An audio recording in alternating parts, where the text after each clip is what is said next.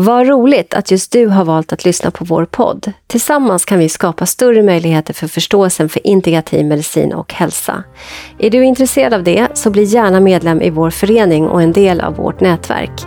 Mer information om det här kommer i slutet av avsnittet, men du kan också redan nu hitta det på vår webbsida integrativ-medicin.se. Vi spelar in på Stockholms integrativmedicinska center i Sjöstaden i Stockholm och vid min sida Fredrik Ankarsköld, poddens producent som ännu inte provat ayurvedisk läkekonst. Dagens samtal kommer föras på engelska, så I want to start with to welcome you, Dr. Sankita Balaprakash. Thank you, Lina, for having me.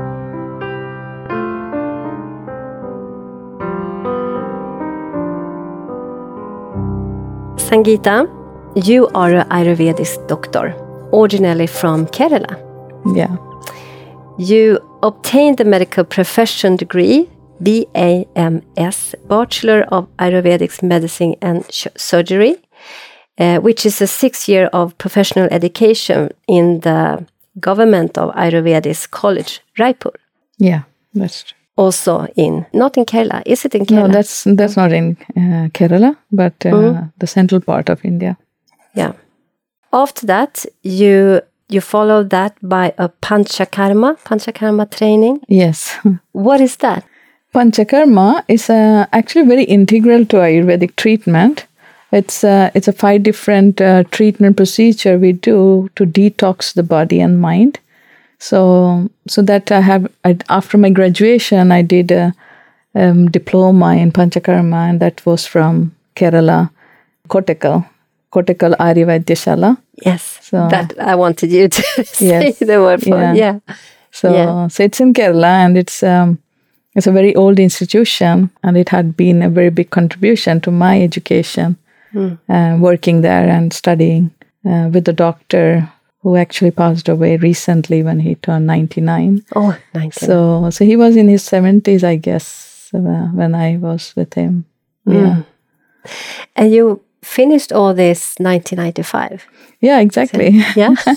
so I started I started my education already after my high school. So I was quite young and actually most of the doctors in India they study like that just after graduation, I mean high school we get into some of the universities, uh, Ayurveda University, and we we study Ayurveda. The graduation itself is five and a half years, and then we do some internship in the hospitals, both the Western medicine and the Ayurvedic part, and uh, that's the practical knowledge we gain uh, during our education.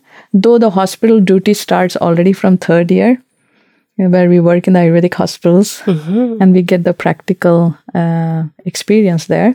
Mm. And internship is um, uh, like you do uh, part of this according to your interest in the Western medicine, also like the hospitals there, and to see how it works. I mean, uh, parallel to your Ayurvedic background. And um, so my interest was mostly in women's education mm. and uh, women's health. So there, mm I did my internship in the Western uh, medicine also.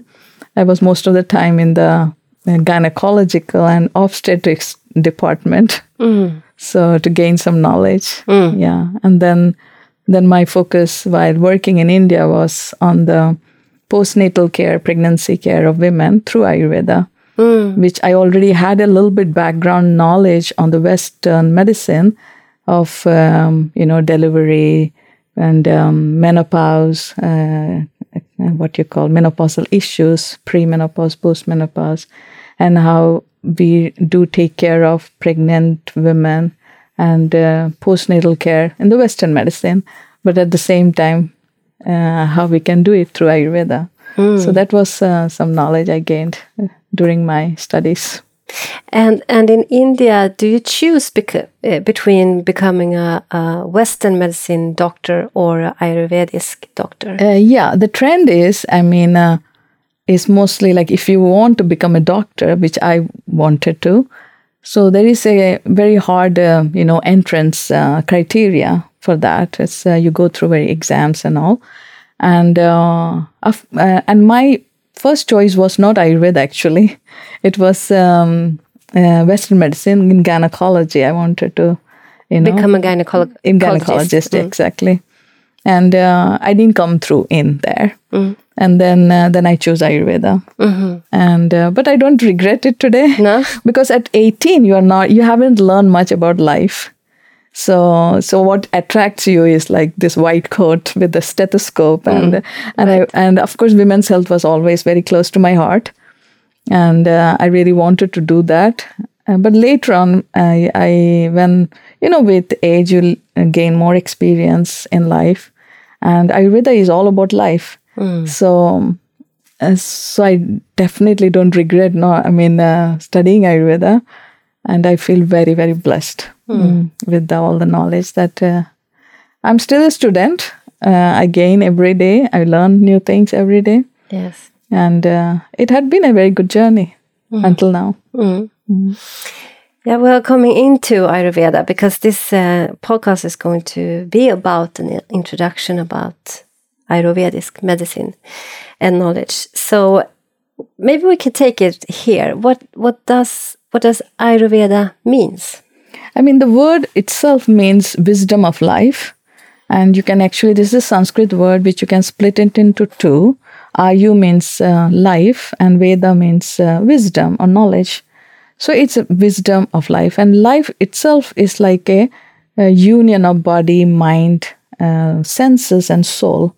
So all these are taken into consideration. So not just the physical body, but also mind, senses, and soul, and even senses are specially mentioned, Mm, and uh, which actually holds a lot of importance when it comes to being sick or being healthy. What's the main role of these senses? So life, the knowledge of life, is Ayurveda. So I mean that's what you can say in short. That is so beautiful. Yeah. Uh, so knowledge of life, uh, Ayurveda knowledge of life. Could you say so? Yeah, you can say yeah, that. Yeah.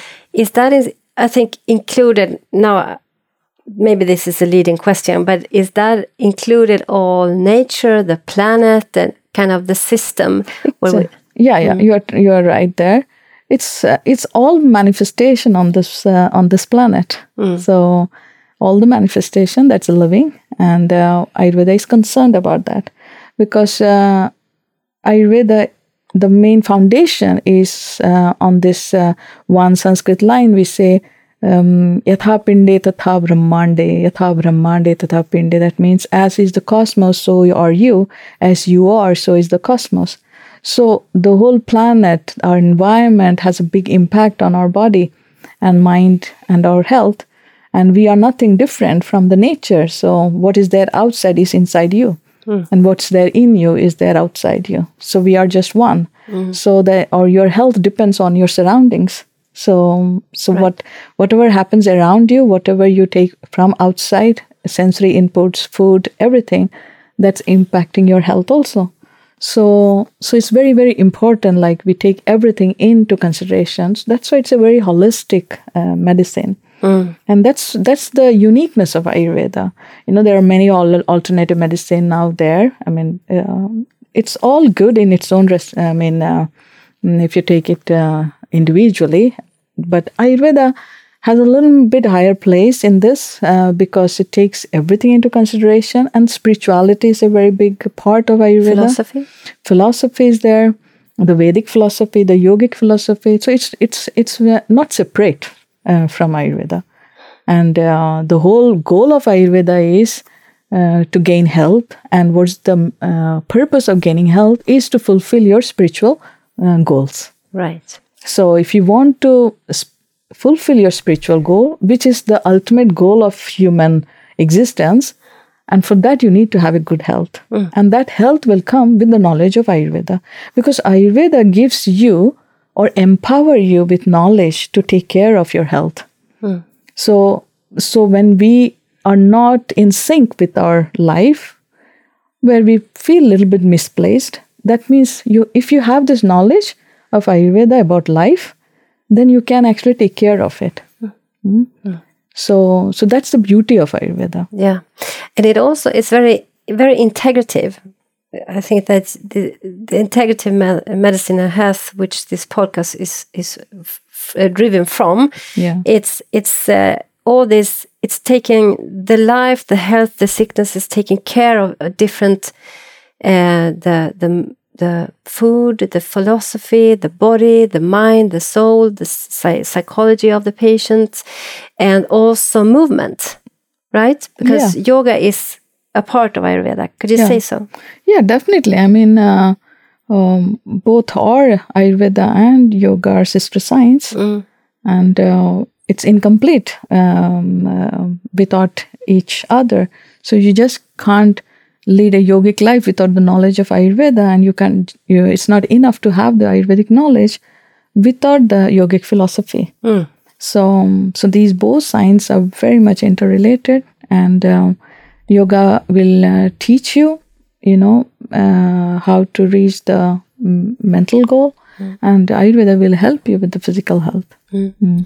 And meditation is that also one? Yeah, I mean, uh, when you think about yoga, meditation is one of the mm what you call the limbs of Ayur- uh, yoga, and um, and that is uh, again very integral to even Ayurveda. So, um, so definitely, because when you think about Ayurveda textbook, the uh, the most important textbook Ashtanga Hridaya, in the first word starts with raga, and raga means attachment. And it says attachment is the biggest cause of all imbalances and is the primary cause. From there arises rest, uh, restlessness, worry, anxiety, you know, and which can again lead to physical imbalances. So, somewhere Ayurveda is trying to say that imbalances starts at the subconscious level and later it it shows i mean the physical manifestation comes much later. So already the problem started at the subconscious level of the mind. I mean of course you can take away because ayurveda also believes it's very scientific it also says that there is the diseases can be caused by you know it can be hereditary diseases because we call it bija dosha. Bija means uh, seeds. Seed is like sperm and ovum so there are genetic diseases where Ayurveda mentions about that.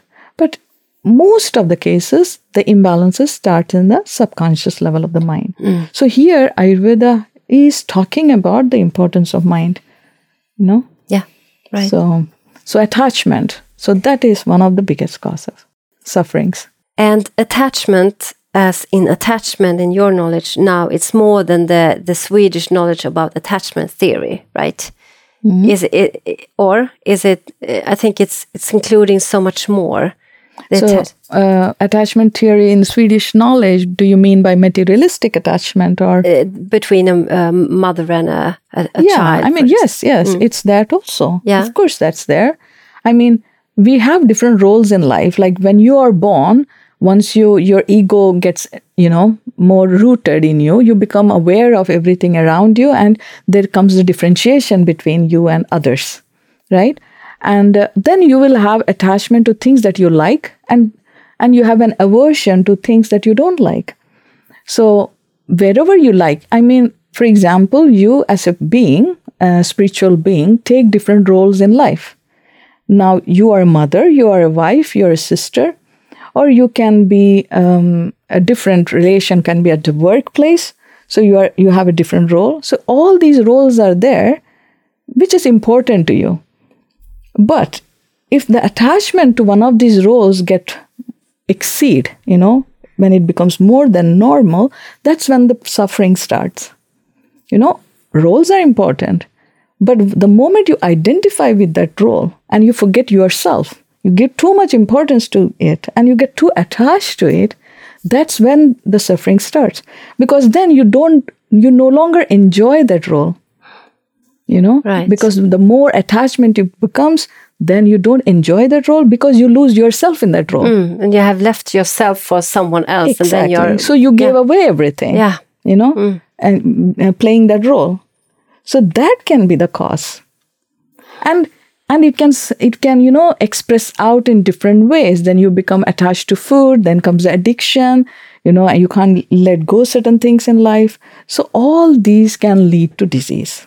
Hmm. No, which it doesn't show up at that point in your life, but these are like you know sm- uh, um, in the longer run. something has happened over Exactly. time. Over Small- time. yeah. It hmm. takes time.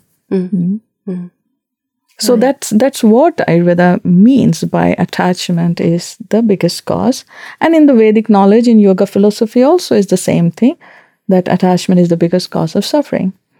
So mind, of course, we have to take that into consideration when we talk about life. And then it also, Ayurveda mentions specifically senses.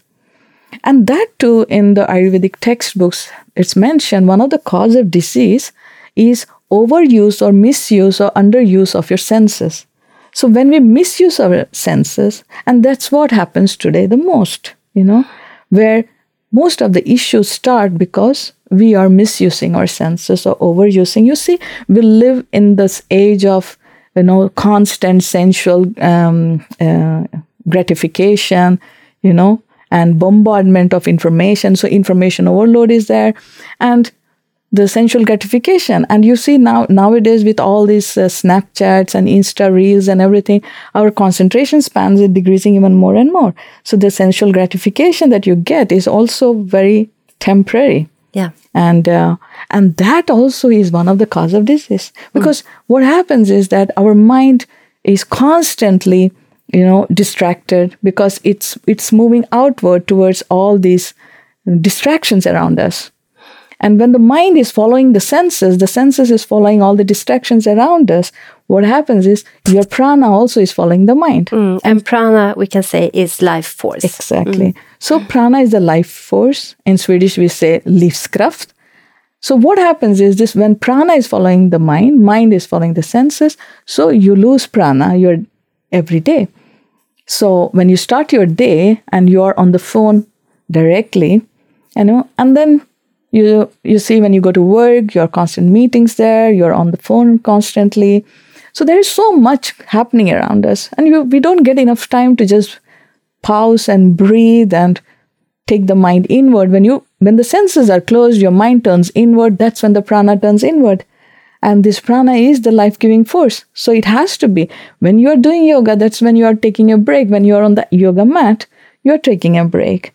You breathe consciously breathe that's when you become aware of mm. what of your body of the sensations in the body if there is any imbalances that's when you get aware of but otherwise every day we live our life without awareness because the mind is outward is following the senses and the prana also is flowing out and we live a life with very least awareness mm. so it's very important like when we live consciously our life that's when we consciously breathe, we consciously take in information from around us, consciously take out, take in um, sensory impressions, and then we can actually live our life very consciously. And that will feed our prana. Mm, right. And nourish our prana. Yeah. So that means when you're eating food, you are very conscious. You're aware of what you're eating. Is it good for me or is it not good for me? You become aware of it. Because based on upon our previous experiences, we know what food is good for us and what is not good yeah. for us. Mm. And when we are aware of it, when you eat with awareness, that will definitely feed your prana. Mm. Mm. So that's what all about this. I mean, of course, yoga. I mean, that's what I wanted to say is is very integral here. Is uh, uh, yoga and Ayurveda living our life consciously is because Ayurveda is consciousness based medicine. Mm. Mm. Yeah. So, so that is what we have to think about. Mm.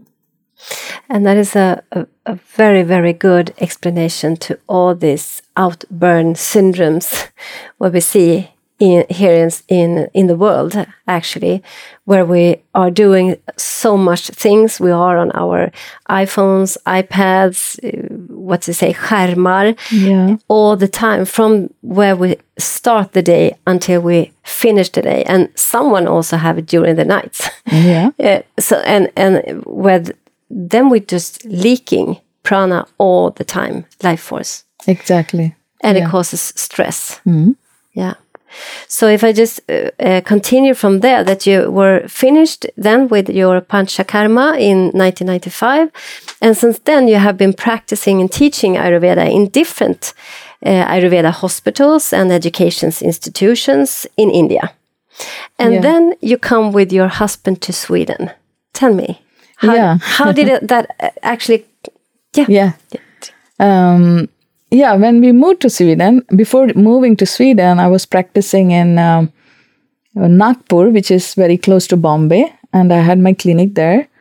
And um, but as my husband works with IT, used to travel a lot, and that's when he came with an assignment to Sweden. And um, initially, I didn't move with him because I was not so sure how long he's going to stay here. And that's that was around uh, I think 24 years back. Hmm, 24 years back. yes, so it's really a long time now. So anyway, I we moved here, and uh, I had my daughter uh, in uh, India. She was born there, so she was two when we moved to Sweden, and um, I was uh, still having had my clinic in India. I didn't close it. I my one of my friend was taking care of that uh, center, and uh, in Sweden, I wanted to start with Ayurveda once once I realized that my husband is going to stay here for a really long time. But the problem was the language, and uh, and it's it's always you know it's important when you connect with your client you should speak or understand their culture and before you start working with anything about life so if i want to understand my clients their lifestyle what kind of stress they are having here what what are their main issues with health and what they eat how is their you know lives i mean uh, the food culture and everything for that, it's important to know the local culture and uh, most importantly, the language. So it took me a few years uh, before I really started practicing Ayurveda and I had to learn the language. Actually, I'm good. Right today, I can say that I'm not so bad in Swedish. I can really communicate well with my clients. I know the language of pain, and uh, and and to talk uh, about pain, it has to be in their mother tongue. Mm. So today I can connect that way. You um, actually are very good in Swedish. Yeah. But we, we, but we decided to have this conversation in English because when you are going to uh, learn us about Ayurveda, it's more close to you to speak yeah, English. It can right? come a little bit. I mean, even though mm-hmm. English mm -hmm. is not my mother tongue, and uh, but still, I mean, uh, I've been talk uh, speaking in English really long, so probably it will be easier for me. Mm. So yeah so that's how i we i started uh, practicing here. I um, i had my company which i founded. It's called rasayana wellness and rasayana itself means like a little bit like um, anti-aging or nourishing or you know uh, it's about positive health and yeah, that's I know you have that on your door when exactly. when when you enter it, it's like ayurveda medicine the positive the art of positive the art health of, yeah exactly right. and that's mm. what ayurveda that's what mm. rasayana stands for also so so that's uh, how i started my clinic in söder and skanstull i yeah, we can started, say that, that you are here in Stockholm, yes, in Skanstull on Ringvägen. On Ringvägen, there's where you have your reception, exactly. Your center. Yeah. yeah. So it was not an easy journey, I must say, because 22 years back, Ayurveda was not that popular in uh, Sweden. Thanks to Vedalila, Johan, and uh, mm, Peter Ljungsberg, they already have established Ayurveda uh, already in 1982. But still, the awareness was not as much, even when I when I moved to Sweden uh, compared to today. And um, first time I the, my experience in Sweden was when uh, when I went to some place. Uh, I think it was Axelssons. Mm-hmm. Some of the people there surrounded me, and then and when they came to know that I'm an Ayurvedic doctor, so they said, "Oh, we, I know Ayurveda. I, I I know I am a Vata person." Someone said that I'm Pitta and Kapha. So I got a little bit uh, surprised when they said that, and also I got surprised when I saw in different shops there were like teas, Vata tea, Pitta tea, Kapha tea, and all. Today it's very common. Now you can also find these in India. So it's it's a different marketing uh, strategy, I think, and. Uh, and I, I felt like the conversation about Ayurveda was mostly around these body types. Yeah. And uh, somehow I feel like that doesn't make Ayurveda too serious um, mm. uh, science mm. because it could be like, oh, you label it. What Ayurveda is, it's about massage. You can get good yeah. massage. Or is it, you can uh, go to some Ayurveda um, practitioner and you will come to know what your body type is. So that I thought to be a little bit superficial. Mm. So I really wanted to change those kind of conversation. Should not be mostly around the types. Right. And um, and maybe we can take that in this conversation now, but Yeah. and tell the, the listeners what is Ayurveda? What is all these body types and so on? Yeah. Could you just yeah, wrap it up? I mean, uh, uh, the thing is, it's not just about body type. Of course, it's a part of Ayurveda is to know uh, what elements you have most slain you.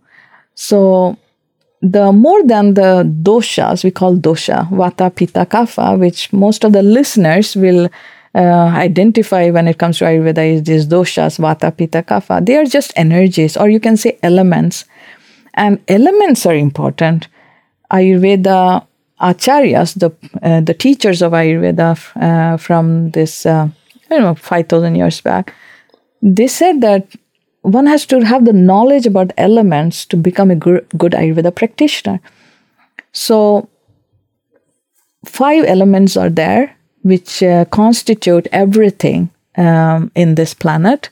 So these elements are present in everything around us, in ev- every food that we eat, every taste has these five elements, and we are made up of these five elements. And now what are these elements? It's space, air, fire, water, and earth.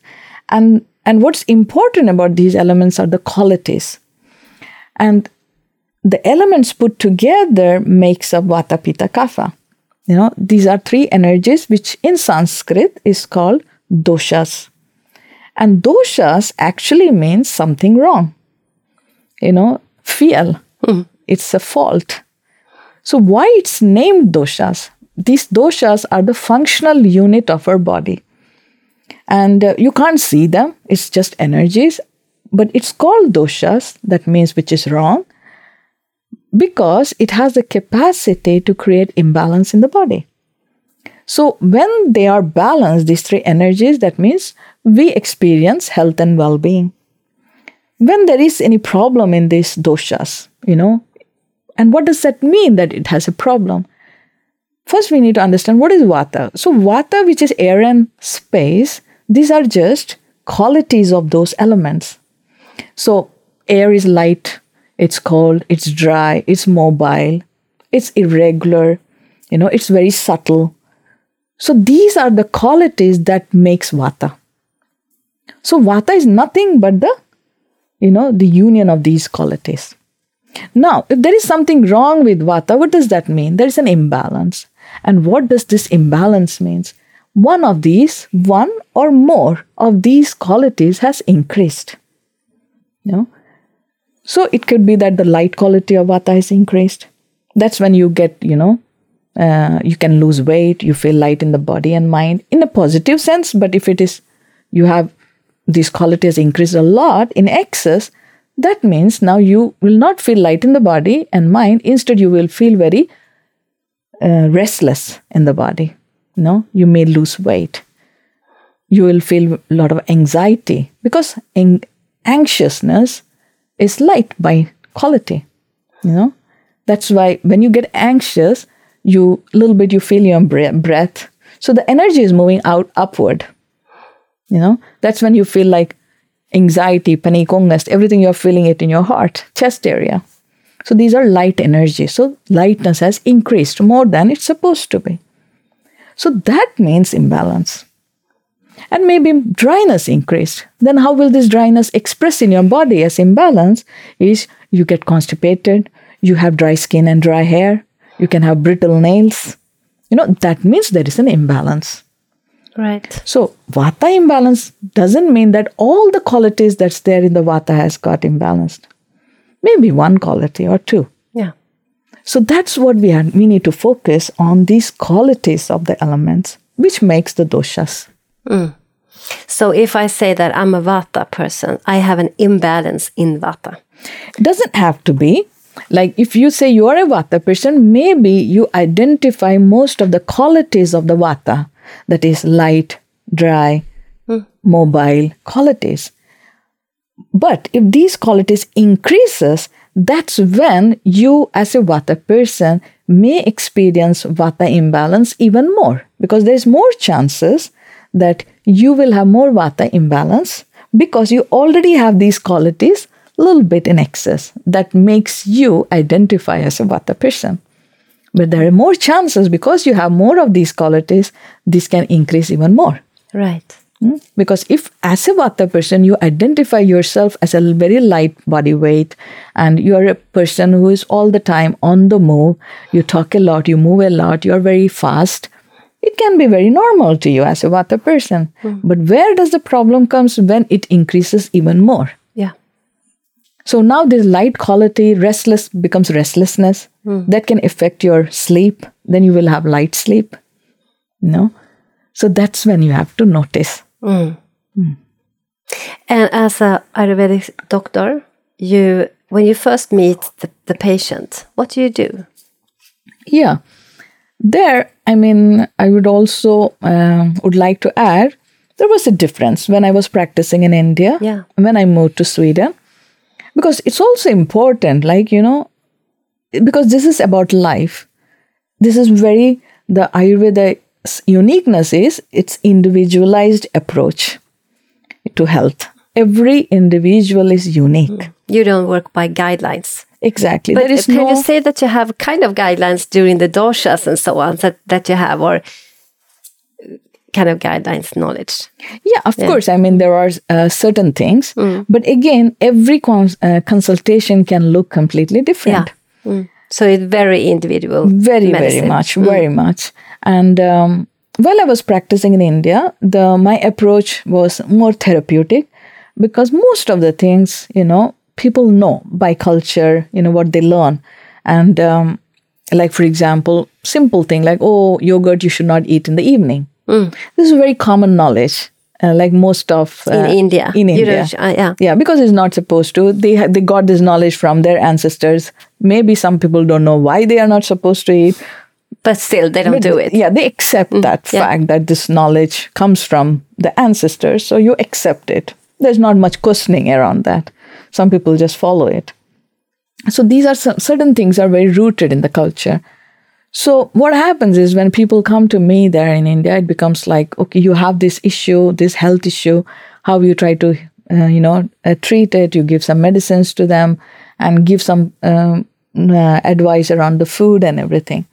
But here, what I noticed is, which I really like it, people are very conscious about health, and uh, when they are seeking help, they come to me like most of them, 80%, would like to know more about Ayurveda, know bo- more about themselves, and want to know what food suits them, what uh, lifestyle suits them according to their born constitution. And um, I would, uh, and which is really good. I give advice based on that. It again depends upon the individual need, why they are there. In some cases, I feel like there is more issue in the mind and the physical you know suffering is not that much maybe the cause is coming from the mental issues so i give advice accordingly and uh, so many uh, clients who come to me they might be having a lot of issues with uh, you know sleep stress related ptsd post traumatic stress and uh, and could be many who have already been very you know utmatning burned out mm. and um, many who, ha- who have issues with their digestion, stomach issues are there, menstrual issues. Many women come with these issues mm. and menopause issues. So, so now I get more and more of uh, people coming with specific health concern, and um, but there are some who are very, you know, focused on what type they are. So I try to educate them. So approach here is becoming more educational, you know, showing them the right way, mm. what is uh, good for them, how they should lead their life.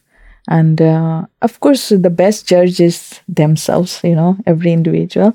They know they are uh, the best guide. I, I'm just a little bit like a guide telling them and what suits them, what is good for them. Because, you know, in the initial stages, there are many imbalances that we can take care of ourselves with a little bit knowledge of Ayurveda. Mm. It's ma- making some adjustment with food and lifestyle and sleep and uh, creating a good rituals uh, around their daily life that is more important. Routine is more important. and um, and you know when you have good routine that itself is a good foundation for good health so so that i give a little bit stress on that Okay. Wow. Mm. and and uh, when I'm listening to you, I have both. I have met you in a lot of different situations. I have come to you as a patient. I have uh, listened to you during education at Yogayama, the teacher training, and I have, and so on and so forth. So so um, it's so interesting yeah and I know that it's so much more about this. And but today it's an introduction for Yeah. for to Ayurveda. So uh, so you came here from India after two years, if Yeah. I know, because I know that you said before this podcast start, you have been here in Sweden for twenty two years now, yes yes Mm. and you said twenty four. So your husband were here for two years before you came after him. Uh, yeah, he was here for about two years. Uh, I used to just visit him, and then uh, when my daughter turned six, that's when I because she started the schooling here. Yeah. That's when I started living here permanently. So how was that? To come here to Sweden and start just uh, that kind of a person matter. Oh, I, from- I mean, it's been a real roller coaster ride, and um, the weather was shocking because I remember once I met a German lady in India uh, when I was in Kottakkal, and she was taking sun bath, and I was like wondering what what she's doing in the sun, and I used to walk with umbrella, like trying to, you know, not be in the direct sun. Exactly. And she was like, then she said, Oh, we don't have sun at all. But I didn't realize till I came here what does that mean? And the cold winter. And um, and I will give you one interesting example here. Because you, if if uh, the listeners know about Ayurveda, they know a part of Ayurveda daily routine is uh, massage, you know, uh, applying oil on your body and head, which is always good for your health. And uh, this I was I used to do every day in India, applying especially on my head. I used to apply coconut oil every single day. And when I came here, Then you, yeah, sorry, uh, but I Yeah. guess so interesting. You just massage the coconut Yeah, in, you- yes. or do you have something on, kind of? no, like no, a- you just massage in. Uh, In- in so your you head. apply Yeah. oil on the head, yeah, on your scalp, and then you massage in the scalp. A little bit also apply on the hair, which is really good uh, to do every day. It's very cooling for the body and mind, and uh, especially if you are um, working a lot in front of computers and you are little bit of little extra pitta qualities if you have too much heat in you. It's really cooling and uh, cooling for your senses. So I and good for your hair also. So I I was. Uh, when I was here, I went, went to pick my daughter from, no, I was dropping her to the doggies. And uh, we used to live in Solna and she used to go in Ulriksdal, the daycare. So I applied oil on my hair and I thought I will just drop her and come back. I will have to just take a train, pendeltåg. We live very close by to the station. So it's just the next stop. So I applied a oil. So while coming back, I was standing in the train. Suddenly my hand went over my head. I felt like my hairs were like dry and like a stick. First I got a shock. What happened to my hair? I was looking left and right. I was just thinking someone is noticing me or not. That's when I realized it's my coconut oil. It got frozen.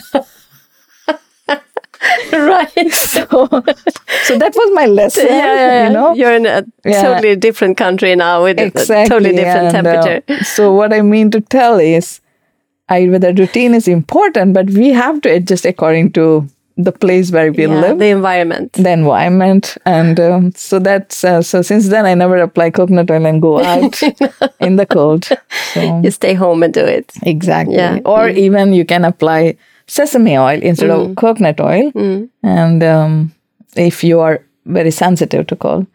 So it's been a very good experience here and meeting wonderful people during my practice, and um, and then somewhere down the road I started my education, giving uh, uh, the people an opportunity to understand Ayurveda more in depth.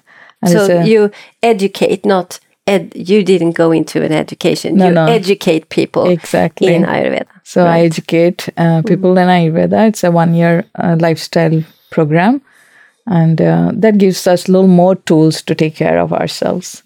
And um, and that that has been a very incredible Do you journey. still have it? I still have it. I love teaching, and uh, every time I go to the class, I get goosebumps, and I think that I have the world's best job. Yeah. you have the education on Rasayana. Rasa- Rasayana, ah, yes, uh, and it's in Skanstul. And uh, about education, you can actually look on to the rasayana.se, my website. And uh, the next one is starting in November. Mm. And it's a one year program. November to November. And then you also go with you to Kerala. Kerala. So the- all the students have an opportunity to go to Kerala and uh, do more practical studies there for a month. So, Wow. and that my students really enjoy that part of the education. yeah, I can imagine. Yeah. Wow.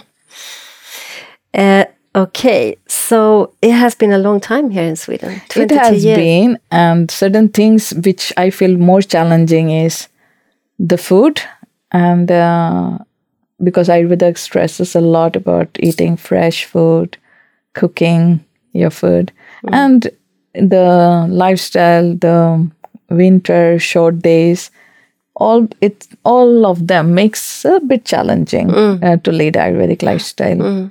So, but yeah, but it's not impossible. No, Mm. and you, but you're also you're going to Kerala. Yeah, I go often to Yeah. Kerala, and uh, because all my family stay there, I go on personal visit. I also take my students. Sometime uh, every year, we also have this uh, health tours, uh, Panchakarma tour to India to Kerala. So, so that's what I do.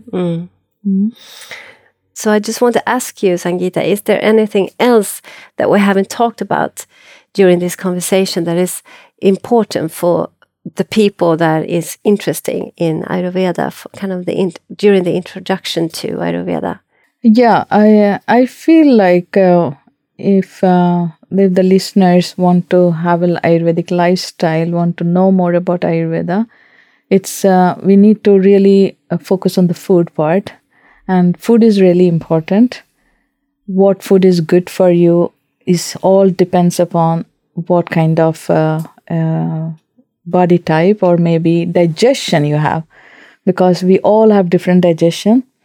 It doesn't matter like for example you identify yourself like a vata, vata person but maybe your digestion works more like a pitta. And uh, so based on your digestion you need to choose your food and uh, also the weather so we can't eat the same breakfast for example all year round if you are having musli with yogurt in the summer you need to change that when you come to the hmm. autumn and the winter. So we need to change our food, you know, more warm food, cooked meals in the autumn, heavy meals, because that is the vata season.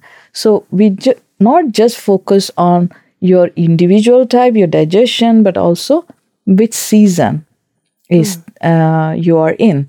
If it is a vata season, which is mostly autumn, late autumn, early winter is the vata time.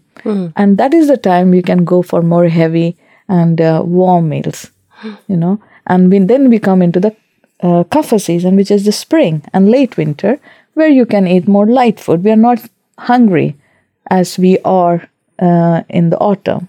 You will feel less hunger in the spring. So we have to eat less, but still warm. Mm-hmm. Then we come into the summer, which is the pitta time. There you can eat cold. And cold doesn't mean that you should have ice cold food or, you know, too much of ice creams. If your digestion is compromised, you feel like, you know, it's not so strong, then all year round you need to eat warm food, mm. light food to make the digestion work better. Right. So, so most of us, I mean, most of the clients come to me are very much confused about the food, what to eat, what not to eat. Then they get um, stressed. Is this the food that I have to eat all my life? But what is important is, you know, there should be moderation. Don't do anything in excess. Ayurveda doesn't say completely that this food is complete, avoid completely. You know, if you have any kind of disease or you know which you have a diagnosis, then probably you will have to follow or the uh, a particular diet all all your life. But you don't have a specific diagnosis, then you need to focus on how your digestion is. Yeah. And uh, if your digestion is really strong, you have a good digestive fire. And what does that mean that you have a good digestive fire? That means you have enough appetite, you ate your meal. After you had it, you feel very satisfied and content. It should not create any kind of cravings. And you should have very good bowel movement every day. You should. Bowel movement is. It's like going to the toilet. Yeah, yeah, yeah. And that should be Kind of like a routine. like a routine yeah. and it should happen every day. Yeah. Because I sometimes have clients who say that I never used to go to toilet like for a week Mm-hmm. and she thought it's normal. Mm. You know? So that is something like, you know, every day you should have good bowel movement. Elimination is important. So that means Mm. a good elimination of stool, urine, and sweat. Yeah. These are the three important waste. Mm. Urine, stool, and sweat. Sweat. Mm. So good elimination, mm. a good digestion, that means a good appetite. Here, I would want to add many clients, when I ask them how is their appetite, some people say, oh, because they're not so happy if they have very good appetite because they don't want to put Right. on weight, which is actually wrong. If you have a good appetite, it's actually healthy. That's a sign of health. So, of, of course, you should not have excess. You had a big meal and then immediately you feel hungry. That is mm. wrong, also. Mm. So, a good appetite where you feel content after you had your food mm. and it will not create any type of craving. No. And for how long, long is the ordinary if I f- feel content for two hours or something? Or, yeah, content yeah. means no, you know, now you're satisfied, you had a good meal. You, are- you're not going uh, and looking for some chocolate No. or, Or fruit or, or anything. fruit or Mm. anything after your meal. So, that is wrong. Yeah. No? And um, and of course the next meal will depend upon how your mm. digestion is. Yeah. Mm? Mm. i mean if it is excess that means something is wrong. Your fire is like too strong. And for that also we need to give some herbs or food to balance the fire Yeah. digestive fire. So digestive fire is central to health. And that is what we treat in ayurveda. Or not just digestive fire, fire of the mind also. So that is very central. When we are treating, what we are doing is we are trying to fix the problem of the fire, both in the mind and the body. Hmm.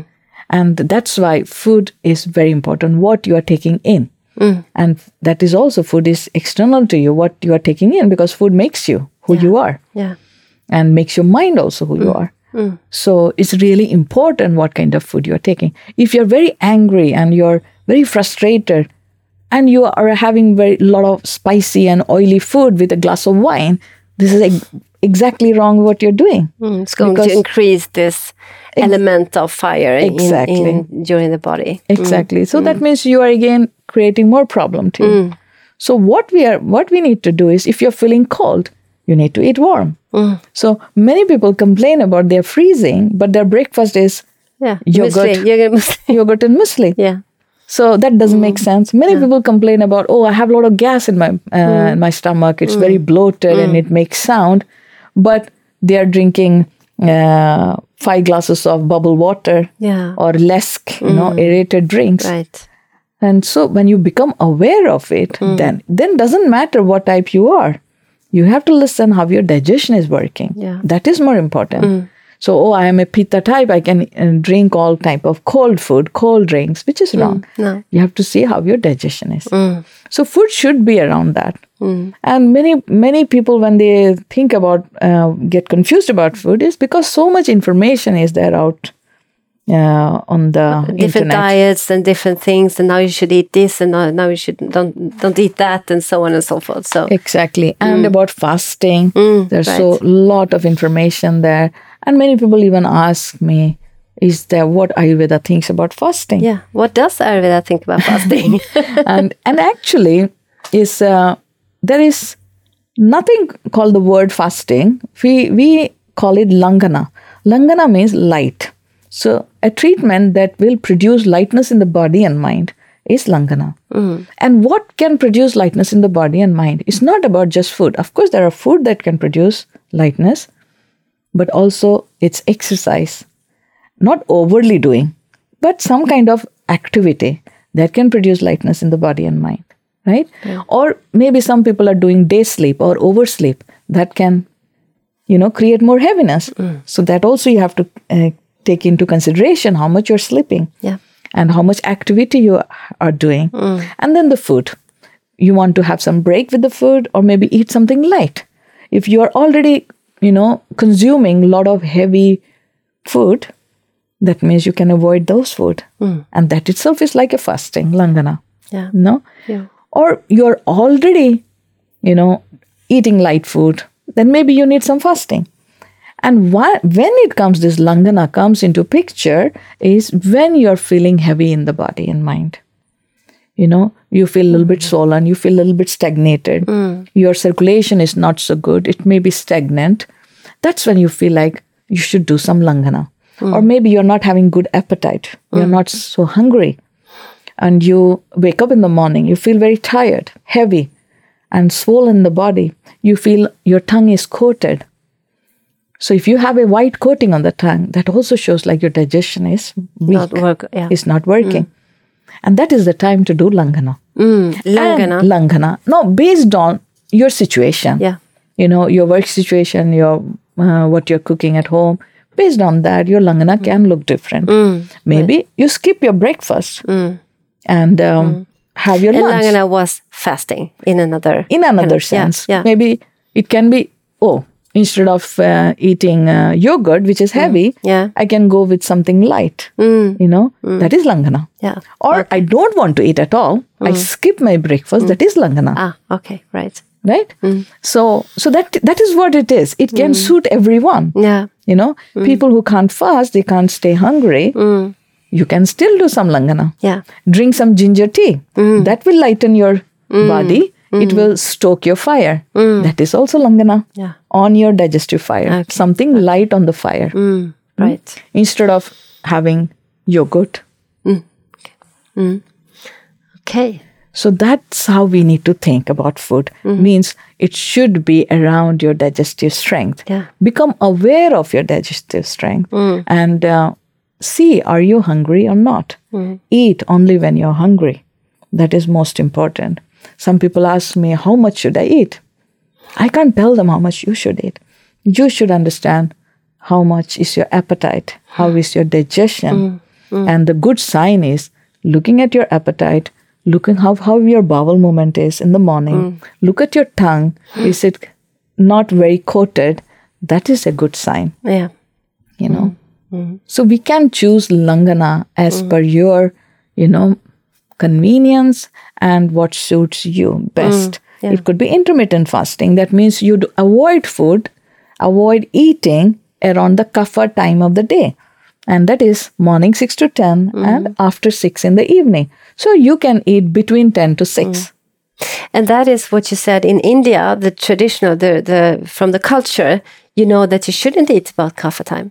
Is it so? yes. Not eating on, as on night. early as possible we should have our dinner Yeah. yeah so avoiding the kapha time So why evening is that the general advice? Kind of. because this is the uh, the c- clock that works this is how the clock works the biological the circadian rhythm you know so we need to you know move or function with our environment and which is for everyone Right. Mm, right. Ah, so interesting. And and before this podcast, when we met in a, another situation, when I came to you as a patient, we were talking about what is anti-aging. yeah It is about all about your digestion. You said you Yeah. have to have a good digestion that is anti-aging. yeah because if the digestion if you have good digestion means you have good fire and the fire itself is gives you good complexion and uh, good skin mm. if you have good fire Okay. So, and that doesn't, and also that means that what you're putting in in your mind, mm. because fire is that which transforms everything. Yeah. You know, whatever you take in, it could be the food mm. or it could be the sensory input. Fire will digest it and transform it into To energy. Right. Food into energy, knowledge, information into knowledge. So if you have good fire, you're transforming and processing it good. You are eliminating the toxins good, and that is the best anti-aging. Yeah, right. You said that to me, and and um, yeah, I wanted to say that, but maybe I put myself out. But um, uh, when if you have if you are a if you have an imbalance in vata, uh, vata, or imbalance in pitta or in kapha, you can usually have two, but last time I had three. Imbalances. yeah. Imbalances can change. Yeah. Maybe if there is there had been imbalance for a very long time, Mm. maybe more than one dosha is involved. Sometimes two doshas are involved, but most of the time vata is behind the imbalance because it is the energy that moves. Pitta kapha cannot. So if the imbalances manifest, that means vata always is behind it because it is the one which is driving the pitta and kapha Ah, to create and manifest the imbalance to show up in different parts of the body yeah. or organs. So, so vata generally is there, Yeah. and um, and also we need to see which quality of the element is increased, and we need to reverse that imbalance Yeah. before it manifests as a disease. Right. So, But the, the, the good thing about that, that, what I have learned, especially during the, the education the, in Yogayama to become a teacher trainer, trainer with you, is that Vata is, uh, if it's manifest in disease, it can happen quickly and it can be in a lot of different ways in the body, but it can also uh, vanish quick, quickly with Yeah. the right. But if you have a disease dri- dri- driven by kapha, it can be much harder yeah, to. S- So because kapha is slow to, in, I mean, um, manifest or show up. yeah, and uh, and it takes time also because it is slow by nature and um, vata is uh, quick. fast Yeah. so so most of the time vata imbalances are also many compared to kapha imbalances and um, most it can you know you can bounce back if uh, if it has not become chronic. So Right. Mm, so interesting, and and this was an introduction to Ayurveda. And if someone who is listening to this, they can come to you. They can find you on your website, Rasa. I Rasayana, I don't know why I have so rasayana.se and uh, yeah. or maybe if they just Google Sangeeta Balaprakash, they will find me. And I'm on Instagram also. It's Rasayana underscore Ayurveda. Yeah, good. Because if you are getting interesting about this and want to know what you Yeah. have imbalances in, if it's Vata, Kapha, or Pitta, you can go to you, Dr. Sangeeta. Yes. so, Dr. Sangeeta, I'm so happy and honored to having you here as a guest and that you have spread your knowledge and gave me some of your time. Thank, you so much. It's my pleasure. Thank, you. so much. Thank you. Namaste. Namaste.